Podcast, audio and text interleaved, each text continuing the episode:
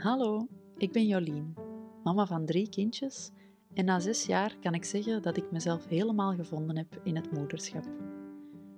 Onze huidige omgeving biedt te weinig ondersteuning aan nieuwe mama's. Mama's voelen veel druk, een grote verantwoordelijkheid en heel weinig verbinding. Ik geloof dat het anders kan. Afgestemd, vanuit een grote innerlijke rust en grenzeloos vertrouwen in jezelf. Zo ben je ook de beste mama voor je kindje. Samen met jou maak ik meer ruimte voor dit kantelpunt, voor moeder worden. Welkom bij Pasgeboren Moeders.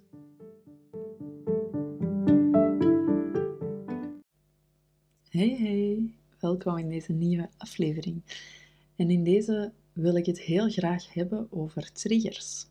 En met een trigger bedoel ik iets wat er gebeurt, iets wat je meemaakt, iets wat je hoort, iets wat iemand zegt, ehm, dat bij jou een heftige emotie opwekt. Iets waarvan dat je voelt in je lichaam, oei, dit doet iets met mij, dit doet iets heftiger met mij dan dat ik gewoon zou verwachten.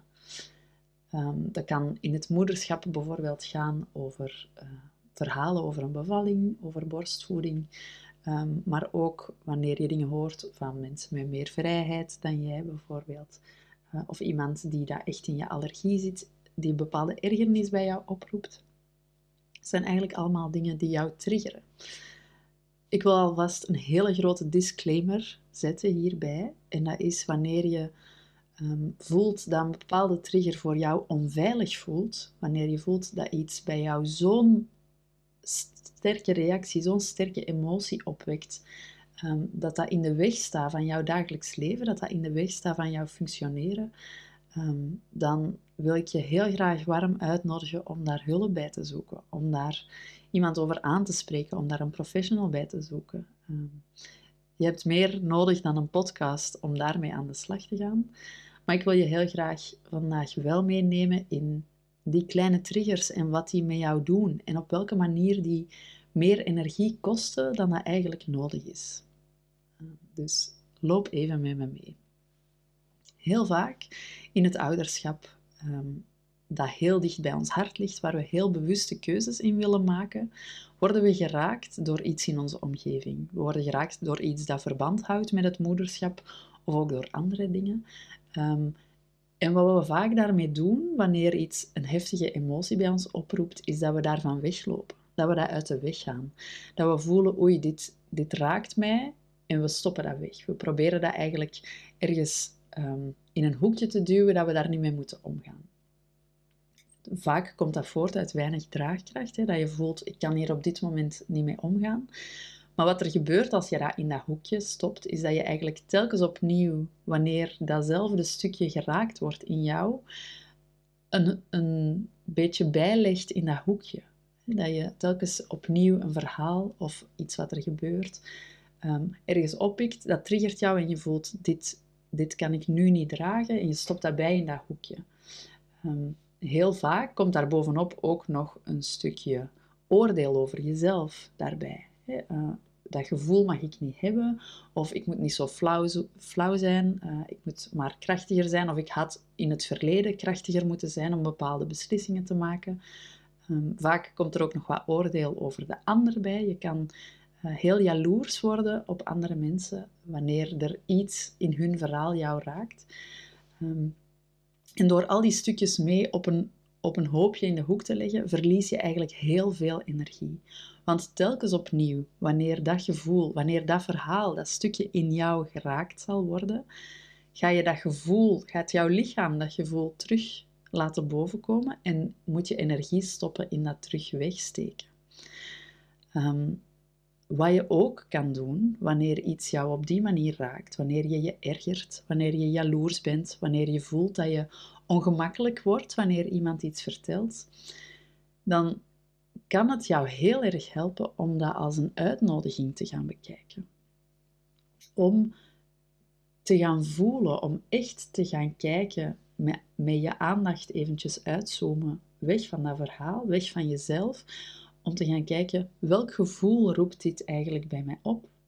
Welke gedachte roept dit eigenlijk bij mij op? Wat gebeurt er in mij uh, op het moment dat ik dit lees, dat ik dit hoor, dat ik dit verhaal um, van iemand krijg, en wanneer je dat kan aankijken zonder daardoor meegevoerd te worden of zonder het te moeten wegstoppen, um, krijg je, kan je veel helderder krijgen wat de oorsprong is van die trigger. Hoe komt het dat dit stukje, dit verhaal, dit uh, beeld dat iemand heeft gedeeld, dat dat bij jou iets triggert, dat dat bij jou iets raakt dat jij mist op dit moment. Ja? En wanneer je kan voelen welk gevoel daaronder zit, zonder dat daar oordeel op zit, zonder dat, daar, um, zonder dat je dat meteen moet oplossen, dan kan dat heel veel duidelijkheid geven over wat jij op dit moment nodig hebt.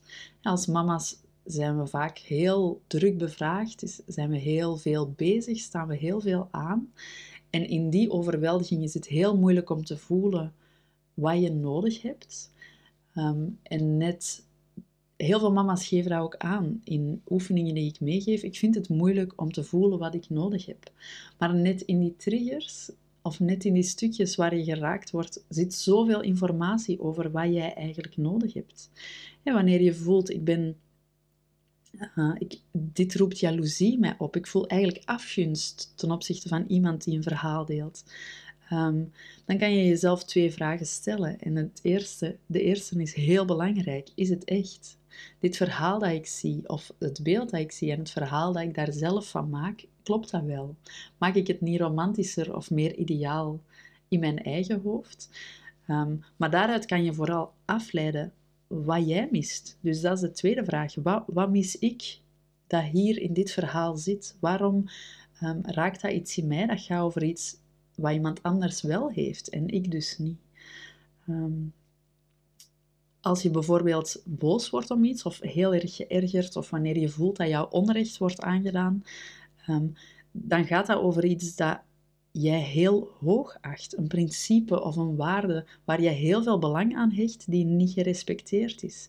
En dat kan zijn in de relatie met je partner, in de relatie met vrienden of je familie, uh, in de relatie met collega's of andere mensen op je werkplek. Wanneer je voelt dat je, dat je je heel erg ergert, dat je heel erg ehm, boos wordt over iets of gefrustreerd, wil zeggen dat er iets dat jij heel belangrijk vindt, dat dat geraakt wordt. En uh, vaak zijn dat dingen die je zelf nog niet zo door had, dat dat iets was dat voor jou echt zo belangrijk is. Um, je kan ook angst voelen, bijvoorbeeld. Angst voor de toekomst, angst voor wat er komt. Uh, en als je daar zonder oordeel naar kan kijken, zonder dat meteen te willen oplossen, zonder dat, daar een antwoord op te moeten vinden, dan kan je ook gewoon voelen dat je bezorgd bent over dingen en over welke dingen.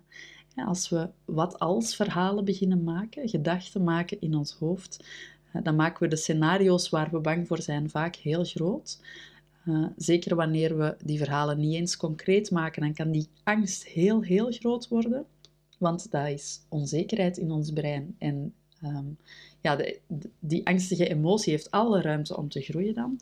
Terwijl je wanneer je kan voelen dat je bang bent, dat je angstig bent, dat je zorgen hebt en dat heel concreet kan maken, ehm, dan laat je dat ook niet groeien. En iets wat heel belangrijk is wanneer je geraakt wordt in iets, dan, uh, dat is dat er vaak verdriet of gemis zit onder die andere emoties. Wanneer je je ergert, wanneer je jaloers bent, wanneer je gefrustreerd of boos bent, zit daaronder vaak een verdriet of een gemis van iets dat voor jou op dit moment nodig is. Dus als je daar naar kan gaan kijken, welke nood van mijzelf zit er op dit moment hieronder? Um, dat maakt het veel zuiverder. Dat gaat, veel minder, dat gaat zorgen dat je veel minder in gedachten verzeild geraakt. Want welk stukje in die um, gebeurtenis, in wat je gezien of gehoord hebt, maakt nu dat je daar zo heftig op reageert, dat zijn heel vaak gedachten. Uh, heel vaak automatische gedachten die we door een gebeurtenis in ons eigen verleden zo hebben ingebakken, dat we die telkens opnieuw gaan denken. Gedachten over um, dingen die je zelf niet kan, dingen die je niet waard bent, uh, dingen die een goede moeder niet mag doen of denken. Uh, heel vaak zijn dat gedachten die zo automatisch in je opkomen dat je die eigenlijk bijna niet afgeremd krijgt. Maar het zijn die gedachten die bij jou een heel sterk gevoel van um, een heel sterk moeilijk gevoel kunnen oproepen. Dus als je daar wat afstand kan tussen krijgen, tussen de reactie die je hebt op een bepaalde gebeurtenis, als je kan uitzoomen en als je kan, daar kan uitfilteren, wat zegt dit nu over wat ik nodig heb? En welke gedachten zorgen ervoor dat dit zwaar is voor mij? Dat is een hele goede vraag om jezelf te stellen. Welke gedachten hebben in dit geval gemaakt dat het zwaar is voor mij? En als je dat durft aankijken, als je op die manier ehm, naar je eigen gedachteproces kan kijken, daar begint ook een heel groot stuk van het loslaten. Van het loslaten van die trigger, het loslaten van oordeel uh, over jezelf en over de ander, en ook het loslaten van verdriet, van het gemis. Um, en op die manier kan je heel veel energie besparen. Je kan triggers laten bestaan, proberen blijven wegstoppen in een hoekje. En dat kan ervoor zorgen dat je over de komende maanden, jaren daarin heel veel energie stopt. Of je kan proberen om dat eens aan te kijken. dat hoeft niet op het moment zelf, dat kan ook achteraf. Maar dat zal jou op lange termijn ontzettend veel energie kunnen besparen.